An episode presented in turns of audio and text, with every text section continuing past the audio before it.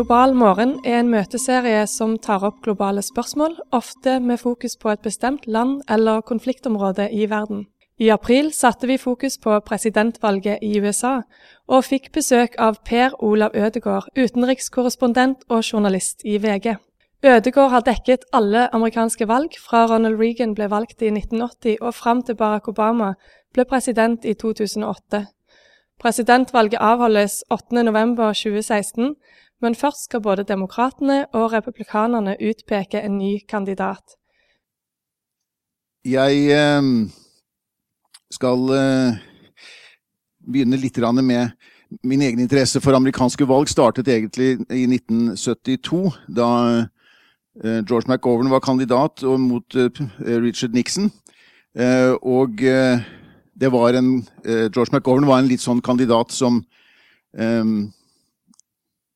eh, markerte seg veldig på antikrigkampanjen, eh, og eh, som eh, ikke Som appellerte til unge mennesker, men i liten grad eh, til de store valggrupper, da. Han skapte mye begeistring, men tapte alle delstater bortsett fra Massachusetts og Washington.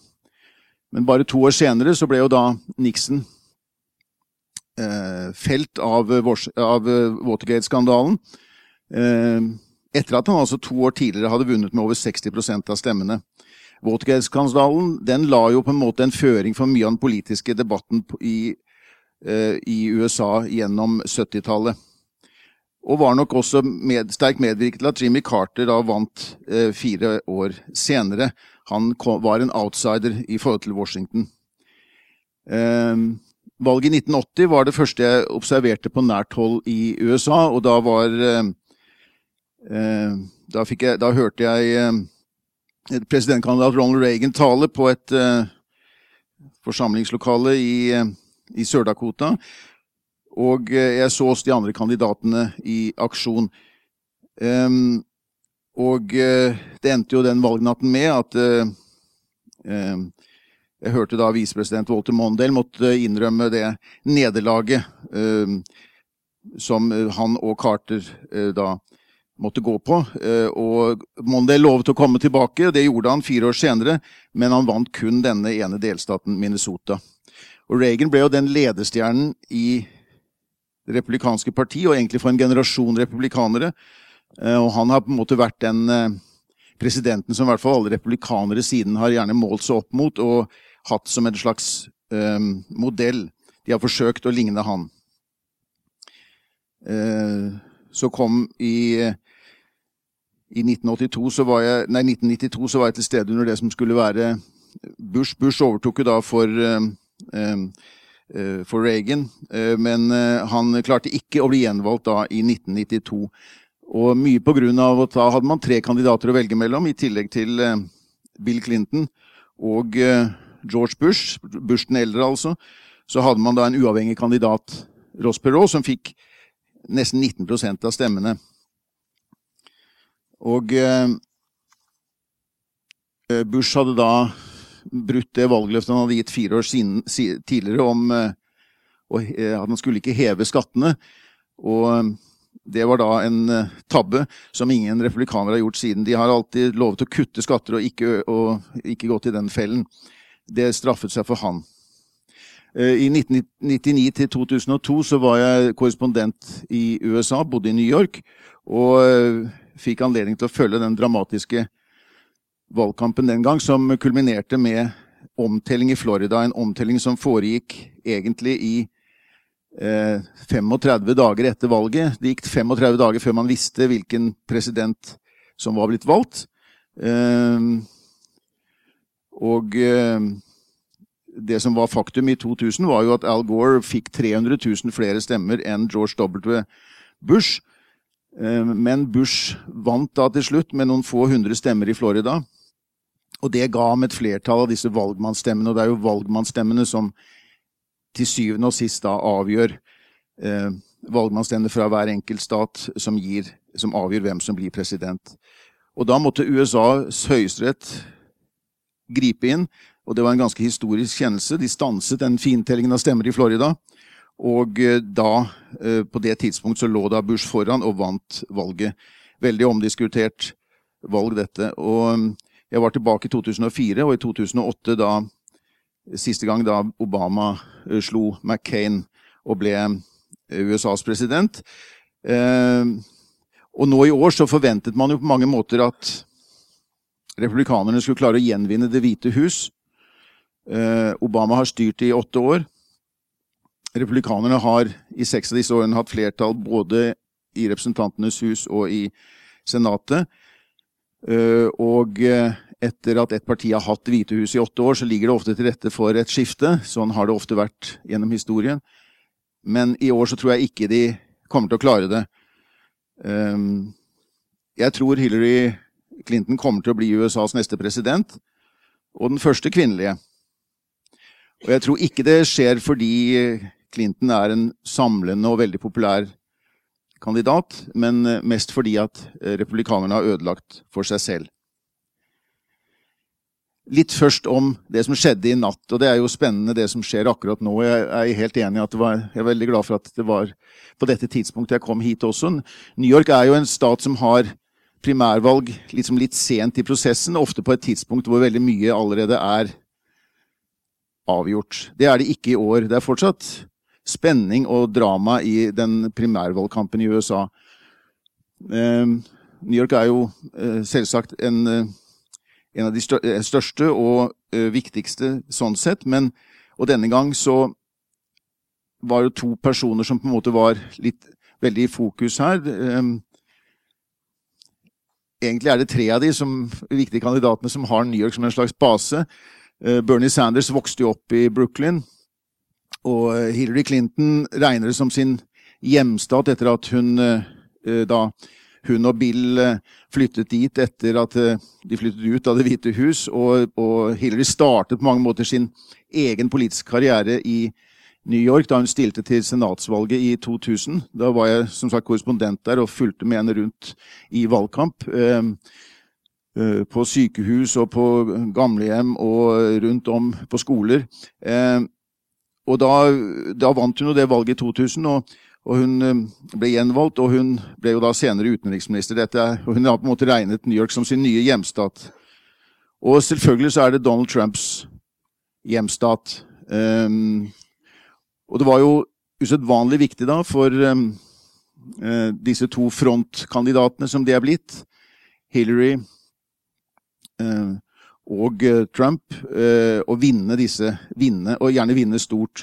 Og det klarte de jo da i natt. Eh, vi ser at etter alt å dømme, da, selv om opptellingen nå ikke var helt ferdig når jeg jeg så, så, så vinner de jo med tosifret prosentdel.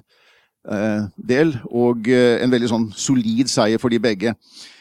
Viktig, og det styrker på en måte inntrykket av at det kommer til å stå mellom Hillary og Trump.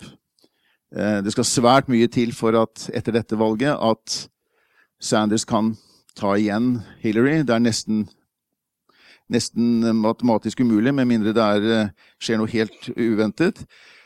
Eh, og det blir Det er ikke sikkert at Trump kommer til å få det tilstrekkelige antall 1237 mandater på landsmøtet som de skal ha.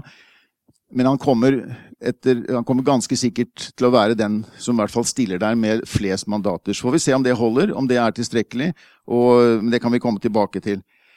Det var også interessant å se i natt at eh, en vesentlig grunn til at Hillary vant så klart som hun gjorde, det var at hun fikk denne gangen sterk, veldig sterk støtte blant kvinner.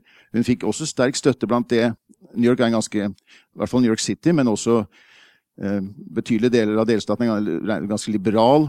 Veldig liberal egentlig i amerikansk sammenheng, progressiv.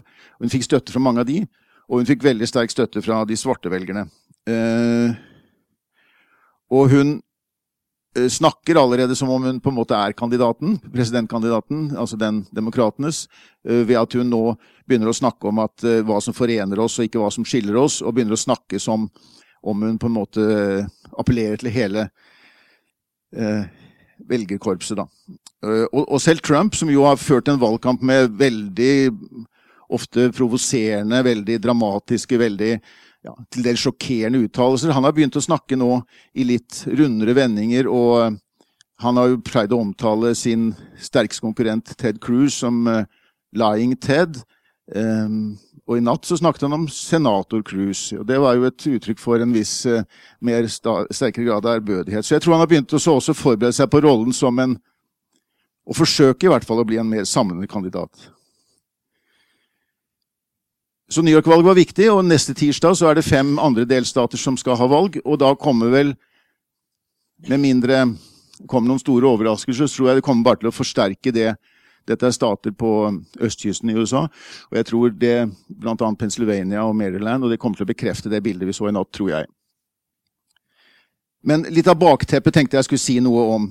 Eh, denne, jeg vet ikke hvor godt dere klarer å se dette, men det viser i hvert fall bevegelsen i hvordan velgerne har oppfattet, eller oppfatter Washington og det politiske etablissement. Eh, og vi ser fra den første presidenten som er nevnt, det er Nixon, og det går fram, helt fram til Obama. Og vi ser, riktignok med noen svingninger, hvordan tilliten til myndighetene reduseres veldig over tid. Eh, I 1958 så sa to av tre amerikanere at de hadde tillit til at myndighetene gjorde det rette. Nesten alltid, eller som oftest. Eh, både Vietnamkrigen og Watergate-skandalen undergravde mye av den tilliten. Eh, den fikk en oppsving på 80-tallet eh, under Reagan. Eh, og den steg også en periode under Clinton på 90-tallet, da USA fikk en veldig økonomisk oppsving. Men siden 2007 har det aldri vært mer enn 30 og, og noen ganger langt under det, som har sagt at de har tillit til Washington. Og særlig blant republikanerne er det veldig liten tillit til de valgte politikerne, enten de er i Hvite hus eller i Kongressen. Uh, og en annen ting som sier noe om uh, hvordan folk oppfatter ting, hvordan amerikanere oppfatter sin egen situasjon, er dette spørsmålet som er stilt om har livet blitt bedre eller verre for folk som deg de siste 50 årene? Det er jo et langt tidsperspektiv, men da ser vi at 46% av alle sier at det er blitt verre, og bare 34% bedre. Dette er over et 50-årsperspektiv. Men av de som stemmer republikansk, eller er mest i retning av republikanerne, så er det hele 66% som sier dette. Og blant Trumps velgere så er det 75% som sier at det er blitt verre for folk som dem. Um, og her ser vi en ganske dramatisk forskjell, fordi blant Clintons velgere så sier 53% at det er blitt bedre i samme periode. Eh, det er fortsatt 22% som sier det er blitt verre, det er jo ganske betydelig, men det er i hvert fall 53% som sier at det er blitt eh, bedre. Så dette forteller om et skille mellom en veldig pessimisme eh, på sine egne vegne, USAs vegne, og en optimisme. Og Hillary og Hillary Clinton målbærer noe av den optimismen, men Trump spiller veldig mye på den pessimismen og alt som er gått galt. Uh, og det, det, er kommet på et historisk lavnivå, denne tilliten som amerikanere har til de føderale myndighetene. Bare 19% sier nå at de har, har tillit til at myndighetene gjør det rette det meste av tiden, eller hele tiden et veldig lavt, eh, veldig lavt antall. Eh, og eh, tre av fire sier at de som er valgt,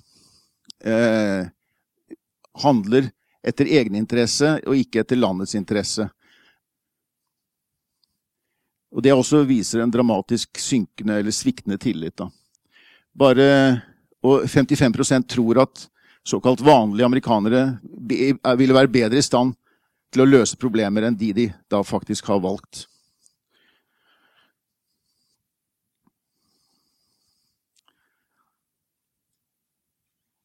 Eh, det har skjedd en polarisering av politikken den på den måten at det som var regnet som et slags politisk sentrum, hvor man var litt konservativ, litt liberal. Man hadde litt sånn Man hadde uh, ikke, var ikke veldig sterkt på den ene eller annen side. Den, den, den, eh, det sentrumsvelgerne er blitt færre. Altså de som um, er tydelig veldig klare liberale, og de som er veldig tydelig konservative, de gruppene har økt uh, i dette, disse 20 årene som dette her uh, viser til.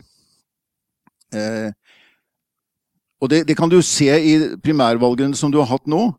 Såkalt moderate kandidater, sånn som Jeb Bush, var ganske tidlig helt sjanseløse. Mens veldig, den veldig, veldig, konservative Ted Cruz og Donald Trump med et slags populistisk budskap, de dro ifra og ble hovedpersoner.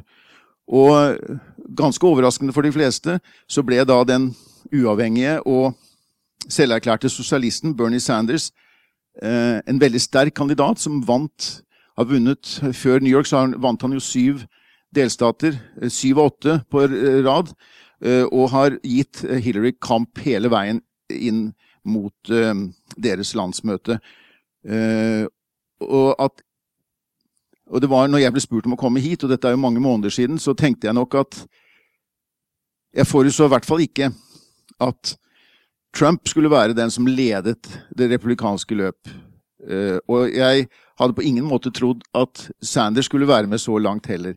At Trump med, sine, med sin bakgrunn og sin eh, måte å uttrykke seg på eh, skulle klare å vinne så stor støtte, og at Sanders, med det som i amerikansk sammenheng er eh, langt, langt til venstre, skulle klare å få så stor støtte, det hadde i hvert fall ikke jeg forutsett. Det er blitt mye mer spennende, mye mer dramatisk og mye mer polarisert enn det jeg i hvert fall hadde forutsett, og jeg tror veldig mange andre. Men vi ser vi ser også at um, det er ikke noe stor entusiasme blant amerikanere flest til disse kandidatene de nå har og skal ta stilling til. Uh, det, er, det, er, nesten, det er ytterst få som tror at det, finnes noen store presidenter blant disse aktuelle kandidatene her nå. Uh, 11% sier at Hillary har potensial til å bli en stor president. Og det samme sier de om Trump. Men det er vel å merke at 38% av de som er spurt, da, tror at Trump blir en forferdelig president. Altså det verste du kan si om han da, på en måte. ikke sant? Og det er også 28% som sier det samme om Hillary. Um, så det er ikke noe, noe voldsom entusiasme. Og det er 2% som ikke har hørt om Hillary, og det er 5% som ikke har hørt om Trump, så det er jo også litt underlig. Men, men det er noen som har klart å holde seg utenfor uh, nyhetsbildet. Um, men det, vi, ser samtidig at interessen for dette valget er uvanlig høy. Det, mange, det har vært mange som har deltatt i primærvalgene. Uh, det har um, engasjert uh, også en del nye velgergrupper. Og Hillary Clinton vet vi jo uh, at hun alltid har vært en kandidat som har vekket sterke sympatier og antipatier.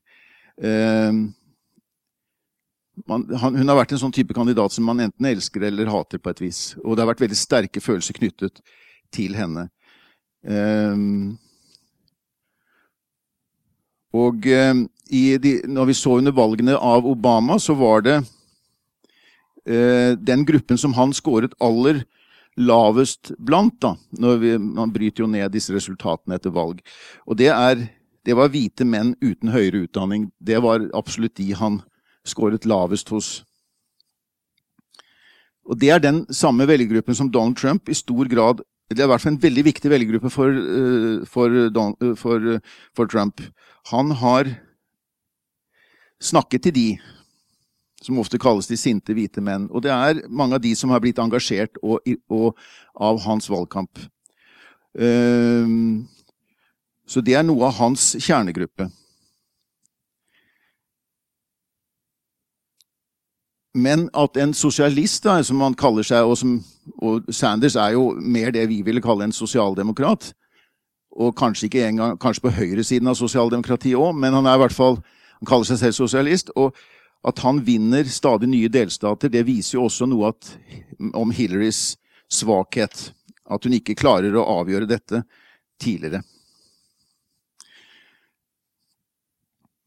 Et veldig viktig poeng, tror jeg, er kjønnsforskjellen i politisk atferd i USA. Det tror jeg er en av de aller viktigste faktorene for å forklare um, i hvert fall presidentvalg og utfall av presidentvalg. Um, helt siden 1992 har kvinner flest stemt demokratisk. Og ved flere anledninger har det alene avgjort valgene. I 2004 og 2008 og i 2012, altså de to foregående valgene, de tre foregående valgene, foretrakk kvinner og menn ulike kandidater. Og når vi snakket om Obamas svakeste gruppe, som altså var eh, eh, hvite menn med lavere utdanning, så er den, den, gruppen han hadde aller, aller størst oppslutning blant, det var ugifte kvinner. Det var ingen som støttet opp om han i samme grad som ugifte kvinner. Det var over 70% som stemte på han. Og det er en ganske stor gruppe, Ugifte kvinner er en ganske stor gruppe i, i USA. Det er 55 millioner eh, kvinner i den kategorien. Så det er jo en viktig gruppe. Eh, men Dette her er fryktelig vanskelig å lese, så jeg skal ikke la dere dvele så lenge med det. Men vi ser bare at sånn som i 2012 så fikk Obama 55 av de kvinnelige stemmene og bare 48% av de mannlige. I 2008 så fikk han 56% av de kvinnelige stemmene. Differansen mellom hvordan kvinner og menn stemmer, varierer altså fra, i disse siste valgene fra opp til 11% fra 4-5 opp til 11% Og det er jo sånn som kan avgjøre valg. Så en annen faktor som jeg tror blir ganske viktig for, å, for, å, forutse eller for å spå om valgresultatet, er at eh, det amerikanske, amerikanske velgere er blitt mer flerkulturelle, om man kan si det sånn. Det er blitt mye mer Det er i stor endring. Demografiske endringene er veldig store. Det er også viktig at vi så i 2012, forrige gang, at det var høyere valgdeltakelse blant svarte enn blant hvite. Det var aller første gang det var registrert. Um, og vi ser at nesten alle stemmer på de demokratene. Altså 91% av de svarte stemte i 2008 på Obama. Ikke så merkelig, kanskje. Det var altså første gang USA kunne få en uh, svart president. Fikk de. Og, i, og, nesten like mange stemte på han i 2012. 87, 87 av, de, av, de, av de svarte. Um, samtidig så stemte to av tre spansktalende. Det er jo det som er merket som hispanics her. ikke sant? Dette er folk med, med bakgrunn eh, fra Latin-Amerika. Og et stort flertall av de stemmer også demokratisk. Eh, det gjør også et flertall av de som her altså er asiater, en stor gruppe. Som, ikke, ikke, så veldig stor her, men som, en, en som øker Det er den, det er den um, folkegruppe som øker mest i USA nå, altså av innvandring. Uh, og for USAs befolkning er jo veldig raskt voksende. Uh, det, vil, det, er beregnet at det vil være 440 millioner amerikanere i 2065. Og det er ikke så fryktelig lenge til. Og hvis disse demografiske trendene fortsetter, så vil nesten hele denne befolkningsøkningen bestå av innvandrere og deres barn.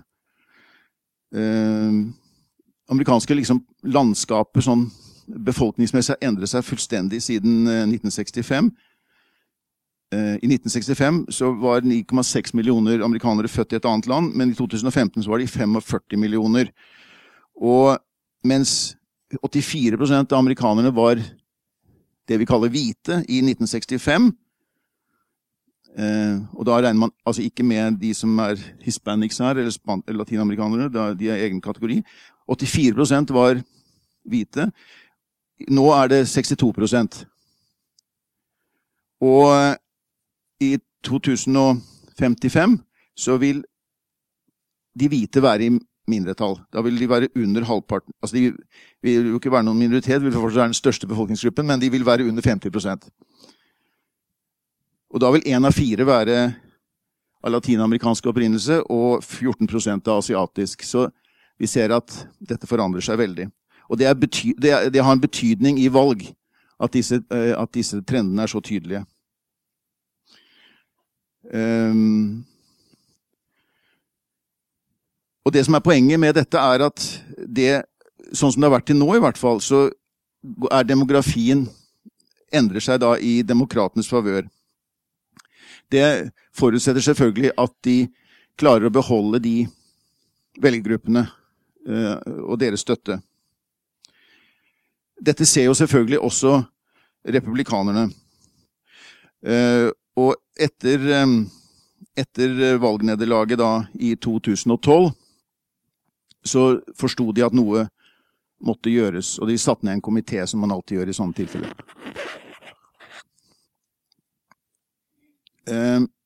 De måtte være mer inkluderende overfor eh, de raskt voksende minoritetene. De måtte finne saker, og de måtte klare å appellere til spesielt latinamerikanske velgere.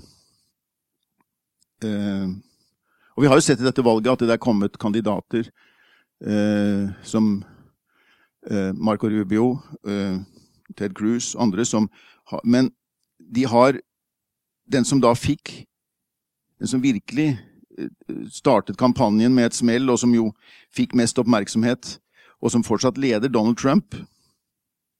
Når han da lanserte sin kampanje i eh, New York eh, sist sommer Det han da fikk størst oppmerksomhet, var hvordan han skjelte ut meksikanere. Med grove, injurierende karakteristikker av dem. Og Det var jo stikk motsatt av det som på en måte partiet hadde funnet ut at vi måtte gjøre. Vi skulle appellere til disse velgruppene, og han gjorde det motsatte. Eh, men han fikk oppmerksomhet, og det har jo det har ofte handlet om. Eh, primærvalgene er jo da ikke helt over. Usikkerheten er størst på republikansk side. Eh, det blir svært vanskelig for Trump å sikre seg kanskje umulig å sikre seg eh, 1237 mandater på dette landsmøtet som de skal ha i, i Cleveland um, i slutten av juli. Um, og da er det jo slik i den amerikanske valgordningen, at, eller i partienes ordning, at i første valgomgang så må de stemme på de kandidatene de Eh, de representerer, men i, annen, i neste valgomgang så står de fritt. Og da er det mange spekulasjoner om hva som kan komme til å skje. Men eh, jeg tror at enten motstanderen heter Trump eller Ted Cruz, eller kanskje til og med en annen, eh, litt sannsynlig, så har Hillary et utgangspunkt, et ganske stort overtak, takket være kvinnelige velgere og støtte fra minoriteter, som jeg viste til. Clinton vant, altså Bill Clinton vant jo to ganger takket være kvinnene, og Obama ble gjenvalgt pga.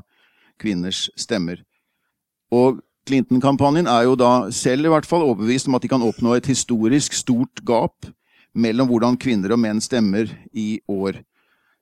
Eh, og det skyldes ikke bare utsiktene til at landet for første gang kan få en kvinnelig president. Jeg tror en minst like viktig årsak er eh, at Trump så ofte har provosert kvinnene med sine uttalelser og standpunkter.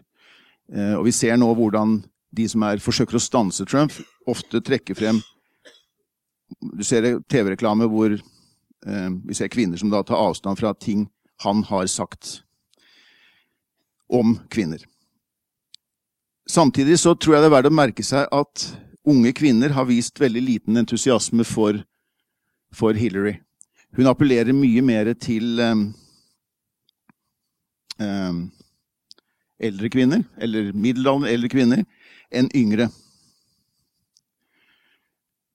I det hele tatt så er det jo et uh, lite paradoks, kanskje, men uh, den eldste kandidaten her, 74 år gamle Sanders, har virkelig taket på unge velgere. Hillary er ikke så mye yngre, men hun er noen år yngre. Uh, Sanders har sin største støtte blant uh, de under 30, og uh, det gjelder både kvinner og menn. Um, Hillary Clinton har mest støtte av folk på min alder og eldre.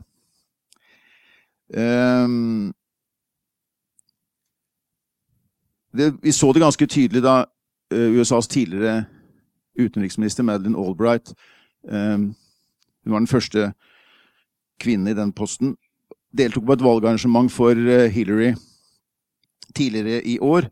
Um, og så brukte hun en vending som hun ofte har brukt når hun har snakket i sånne sammenhenger, og det var at hun sa det finnes et spesielt sted i helvete for kvinner som ikke hjelper andre kvinner. Og det er sånt, uh, og tidligere så hadde hun, folk hadde bare smilt litt av det og syntes det var uh, et godt, morsomt poeng. Men da førte det til en, en, raseri og sinne og veldig sterke reaksjoner. Og hun måtte beklage at hun hadde brukt det. Og reaksjonen kom først og fremst fra unge kvinner. For de ville ikke bli fortalt at de var forpliktet til å stemme på henne fordi hun var kvinne. Det var en forskjell på de deres mødre, den feminisme de representerte, og den feminisme de unge kvinner representerte. De likte hva Sanders sto for, og hadde ikke, ville, ikke ha, ville ha seg frabedt å bli fortalt at de måtte stemme på henne fordi hun var kvinne.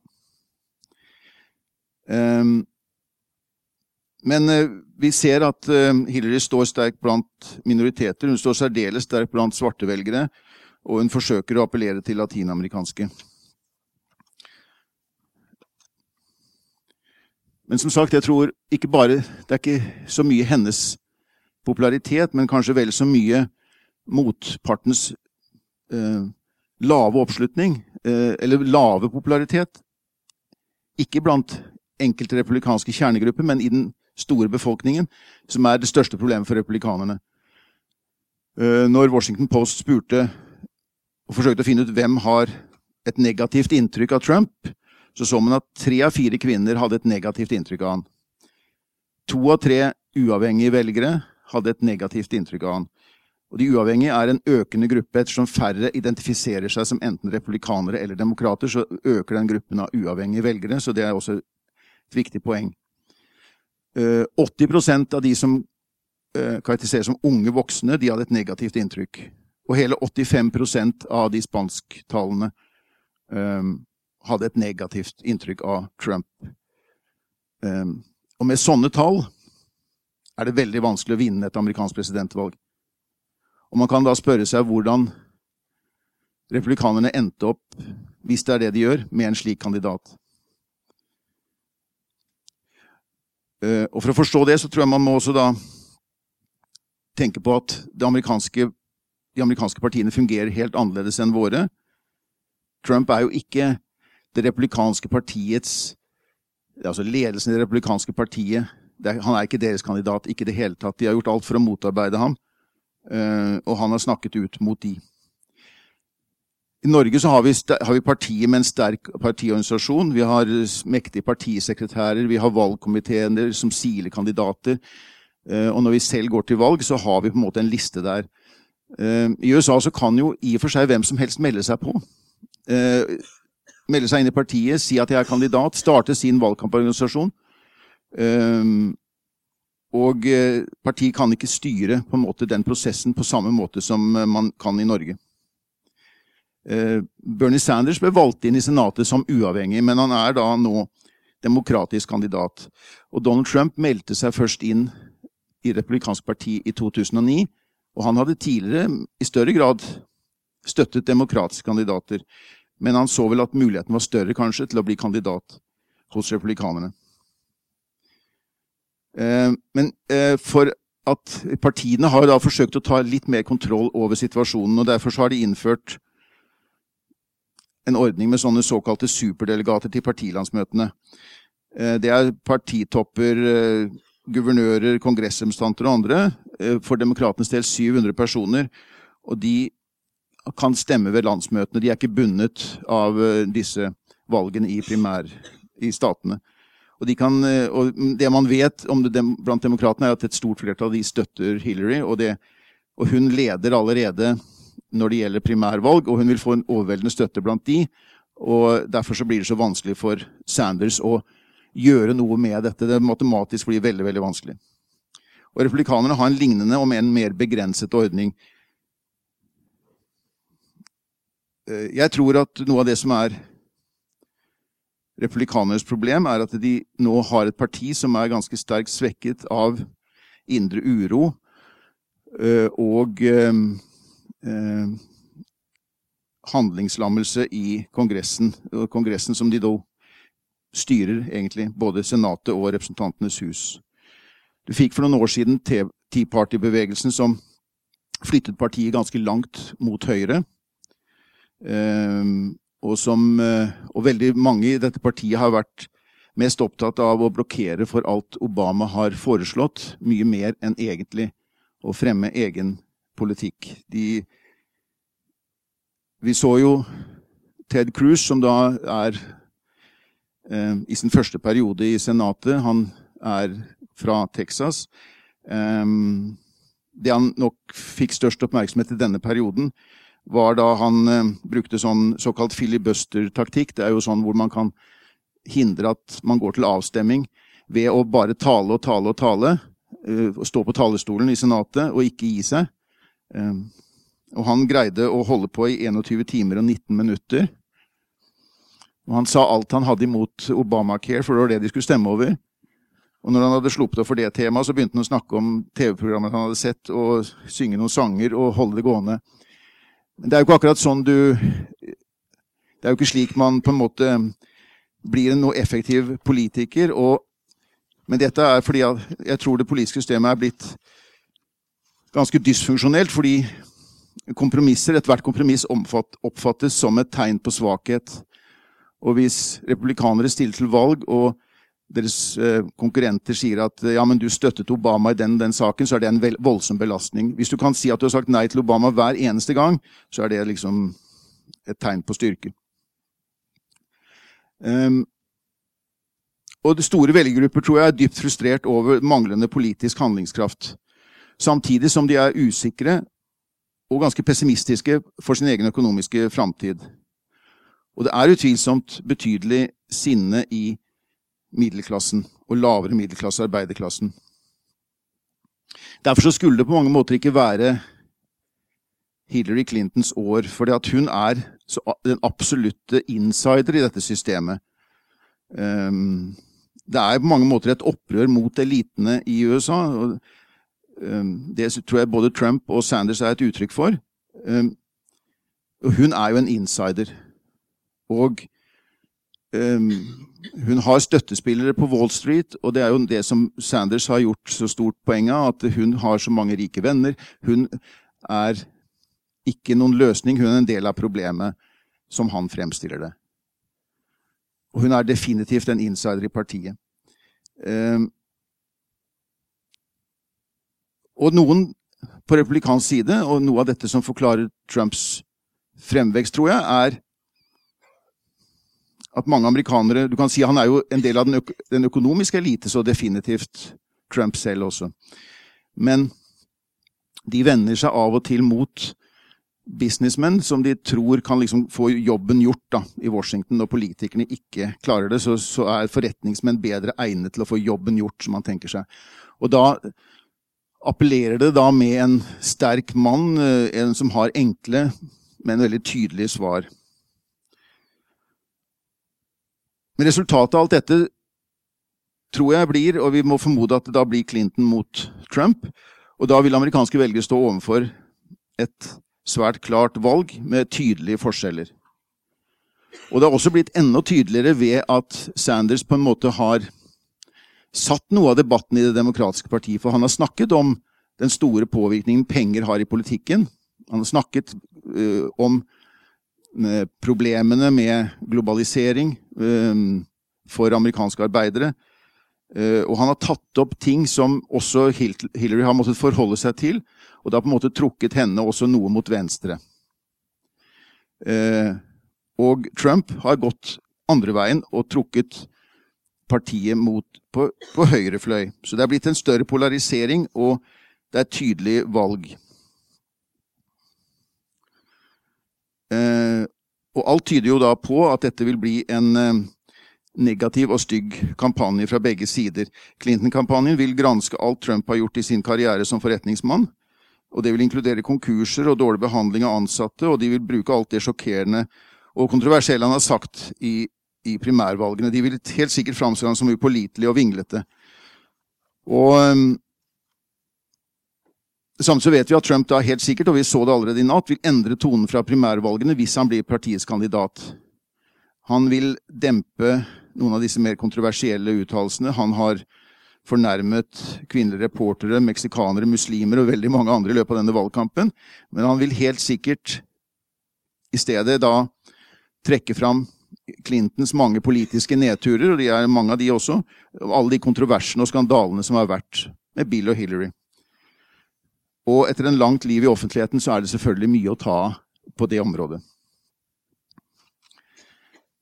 Um, det har vært, uh, Nå nærmer meg slutten her, sånn, skal vi åpne opp for litt sånn kommentarer fra dere og spørsmål.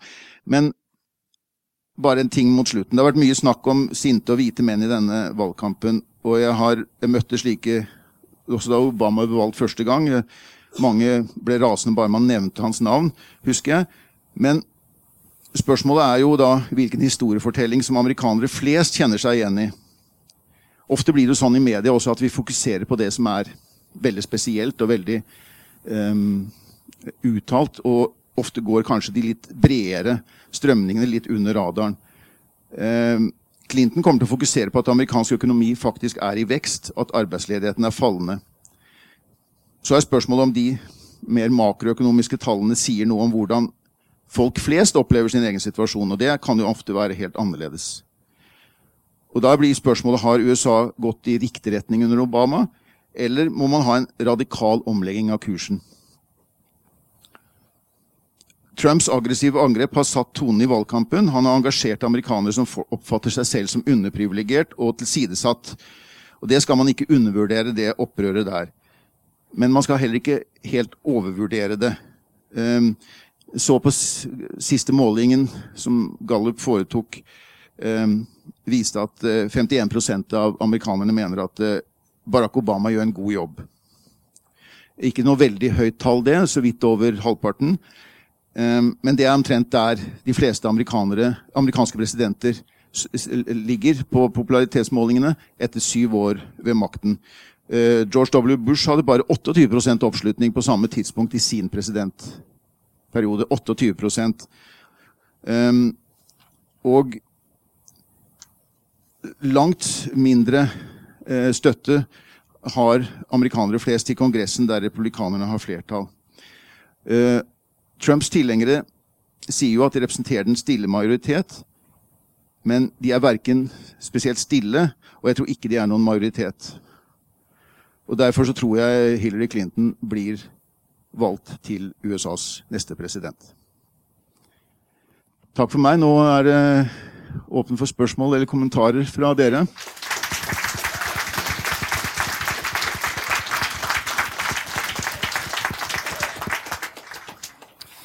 Ja, takk for en uh, særdeles informativ og nyansert vurdering av det som skjer i dette valget, og der vi alle sammen har fått noen nye antenner for hva vi skal følge med på videre. Uh, veldig flott. Uh, er det noen som har spørsmål? Der har vi et. Jeg tror ikke jeg behøver mikrofonen. Jeg snakker rimelig høyt, men jeg kan gjøre det. Hvis du, mitt navn er Christian Utkilen, forresten. Hvis du nå ser på det vi blir presentert for i norsk media, senest i går kveld med Mr. Trump, så blir han jo presentert stort sett som en idiot og en tulling. Og vi hører aldri noe fornuftig han har sagt. Så tenkte jeg hvis han blir president, så må han jo forandre seg. Og det jeg ikke kan huske så godt, når Ronald Reagan ble valgt på 80-tallet, så var han jo en annenklasses skuespiller med noe guvernørerfaring fra California. Hva var synet på, spesielt hos oss og andre, på Reagan da han kom? Vi var vel litt redd for han nå på samme måten som vi ville være for Trump. Men til slutt så ble jo Reagan en sånn rimelig ålreit president. Han klarte, hvert fall Noen vil hevde det var han som fikk Sovjetunionen til å falle sammen. Eller i hvert fall en av arkitektene. Men hva var synet på, på, på han i, tidlig på 80-tallet når han ble president? Eller før han ble president, rettere sagt. Ja, det er et veldig godt poeng. Eh, det er jo helt eh, Vi husker jo, eh, vi som var da fulgte med på den tiden, at han var jo vi, vi, så jo med veldig bekymring i Europa, Norge, også på at Reagan skulle bli valgt president. Han virket ikke Vi trodde, syntes ikke han var skikket for jobben. Han virket farlig i sin retorikk. Man var redd for hva dette kunne få av konsekvenser. Så er det også riktig som du påpeker, at seg, synet på ham forandret seg mye i løpet av disse åtte årene han satt ved makten. Og det er jo ikke noe tvil om at Reagan revitaliserte det republikanske partiet veldig sterkt. Og vi så at også til, amerikanernes tillit til eh, president og eh, hele styret steg veldig i hans periode. Eh, det var eh, Man skal også huske at Reagan var jo ikke bare en skuespiller. Han hadde vært en fagforeningsleder også i California. Han var ikke uh, uforberedt på jobben, men eh, Reagan var dyktig til å knytte til seg eh, dyktige folk i sin administrasjon. en president Trump må nødvendigvis gjøre det samme. Han har i veldig liten grad vært opptatt av utenrikspolitikk, Trump, f.eks. Um, og vil måtte da Eh, baserer seg på at han vil trekke inn eh, folk med tyngde og erfaring. Som han selv ikke har. Han er jo en uerfaren På det politiske liv er han jo helt med blanke ark på mange måter. Um, problemet med Trump er jo det at ut fra hva han Det er veldig vanskelig å si ut fra hva han har sagt i valgkamp, hva slags president han kommer til å bli. Det er lite spesifikk politikk og veldig mye overskrifter.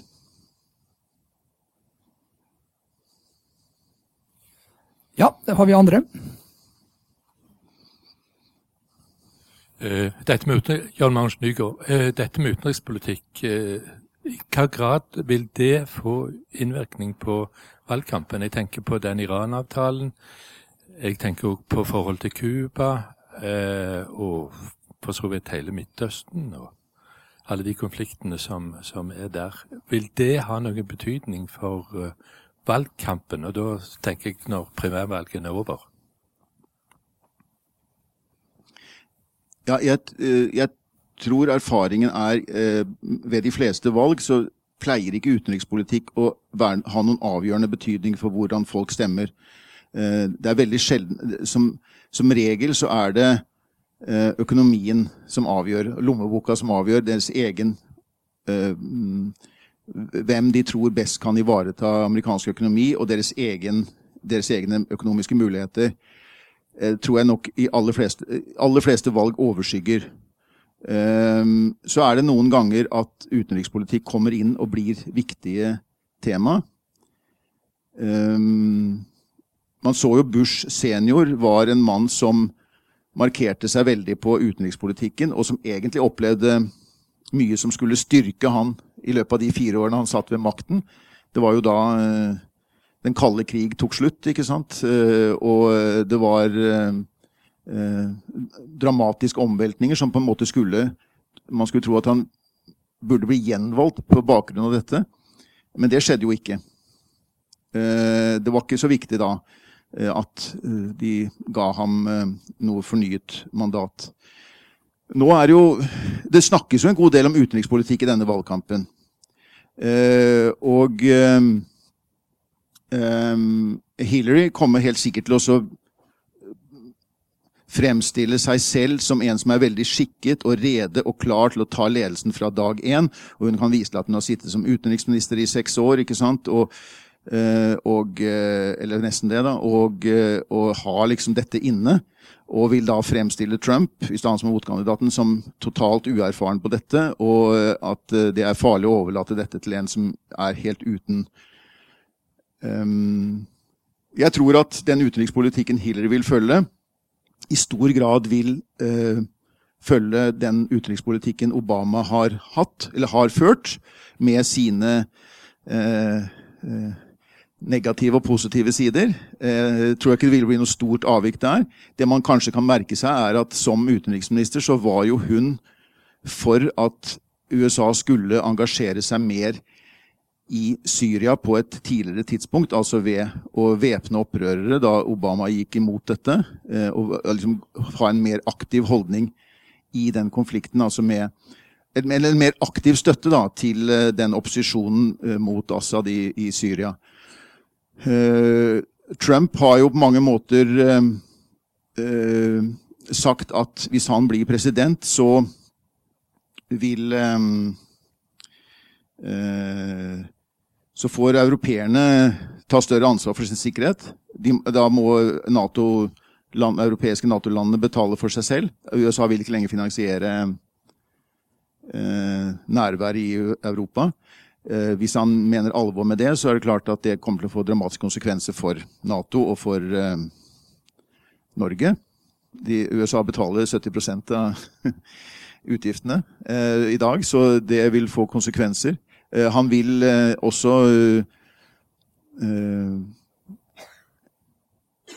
bygge denne berømte muren mot Mexico, som han har snakket om. Han vil reforhandle alle handelsavtaler med Kina, vil innføre importavgifter og sånt og kan starte en handelskrig.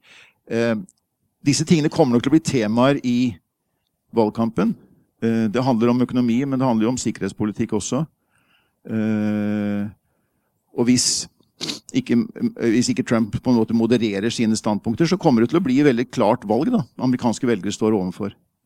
Så kanskje det kommer til å spille en litt større rolle enn det ofte gjør da, i valgkamper. Vi rekker et til. Er det noen som har? Helt bakerst.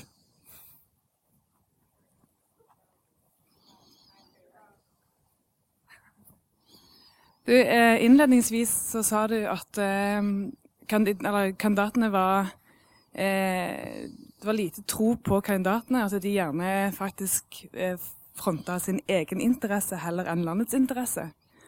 Eh, og så sa du òg noe om at altså Du viser en skala som eh, at eh, folk heller ikke hadde så stor tro på Eller det var så, det var ikke så god interesse da, i forhold til valget. Og jeg tenker liksom, Hva er det det sier om amerikanernes eh, forhold til valget? Hva sier det om velgernes tro på demokratiet, det politiske systemet, har det på en måte oppstått et vakuum etter Obama? Er det for lite er det, er det uinteresse blant kandidatene som eh, Eller altså, ja, er ikke de interessante nok? Er de ikke spenstige nok? Eller, eller, har Obama gjort en så bra jobb at nå vet de ikke helt hva de skal velge? Ja, så jeg tror jeg bare gir fra meg mikrofonen. um, jeg, jeg, jeg, tror det er Jeg tror det på mange måter er jeg tror man må innse at det amerikanske systemet er i en slags krise. Jeg syns dette med så synkende tillit til det politiske livet i Washington, det, det er et sykdomstegn, så klart. Um, nå er det ikke noe nytt det at amerikanere er liksom kritiske til Washington. ikke sant? I dette svære landet, og de sitter, så er Washington fjernt, og um, man får en veldig distanse til um, til det som skjer der. Uh, og det liksom, har vært en slags uh, Ofte har amerikanerne vært fornøyde med sin kongressrepresentant eller sin senator. Um, men de har vært kritiske liksom, til Washington, og det har vært fjernt, og det har ikke angått dem. Og de har vært mest opptatt av tjenesten dine egne interesser. Men jeg tror det der problemet du har hatt nå, hvor liksom det ene partiet har kontrollert Kongressen, og det andre partiet Det hvite hus, og de har ikke klart å samarbeide, det tror jeg har gjort noe med at folk ser at av og til så blir, stenger man ned myndighet, altså at uh, staten må stenge liksom i perioder. altså Statlige tjenester må stenges fordi at uh, man, ikke, man, sitter og diskuterer i Kongressen og ikke klarer å, å, å bli enige. Uh, og det, det, skaper et inntrykk av noe som har slutt, har opphørt å eksistere og fungere. da.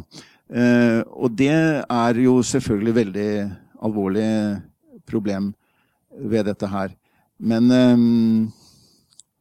Eh, og eh, samtidig så er, har dette valget et, Det har, har, vært en økende valgdeltakelse de senere årene. Det er liksom sånn Fra noen og 50% så er det kommet opp i vel 60% eller rundt 60 et, Og det virker jo som dette valget her også engasjerer mange mennesker. altså. De er ikke spesielt glad for de der kandidatene de, de, de blir eh, stilt overfor, men eh, jeg tror dette er et valg som hvor mange kommer til å mobilisere fordi de har veldig sterke kanskje de, har veldig, kanskje de har sterkere oppfatning av hva de ikke vil ha, enn hva de ønsker, men de kommer til å stemme. Tror jeg. Et helt kort helt til slutt, hvis noen har det. Ja, et kort spørsmål. Mulig du var litt innpå det her, men hvorfor tror du at Bernie Sanders ikke har fått større oppslutning? Jeg, er mest overrasket over hvor stor oppslutning han har. For det, man tenkte ved begynnelsen av valgkampen, var at eh, å si at du er sosialist i USA, da er det mange som eh, med en gang backer ut. Og jeg syns det er ganske oppsiktsvekkende hvor stor støtte han har fått. Men det er riktig at den er vært begrenset, og den, den har appellert veldig til unge mennesker. Og, og han, en av de sakene han har valgt, har jo vært dette her med at det er altfor dyrt å gå og studere i USA. Altså man betaler, og, og um, dette med skolepenger og sånt nå er blitt så høyt at det har blitt for en elite, eller det er blitt veldig vanskelig for folk å betale skolepengene.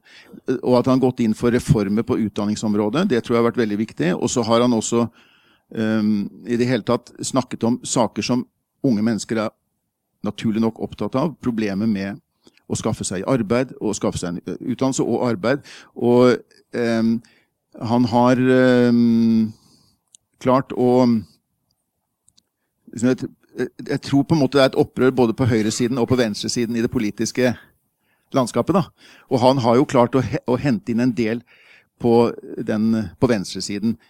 Men det er nok, uh, han har nok større problem med å trenge igjennom til ja, eldre velgere, middelaldrende eldre velgere. Uh, og mange ser nok på han som han har interessante visjoner, men, men kan han klare å gjennomføre denne politikken?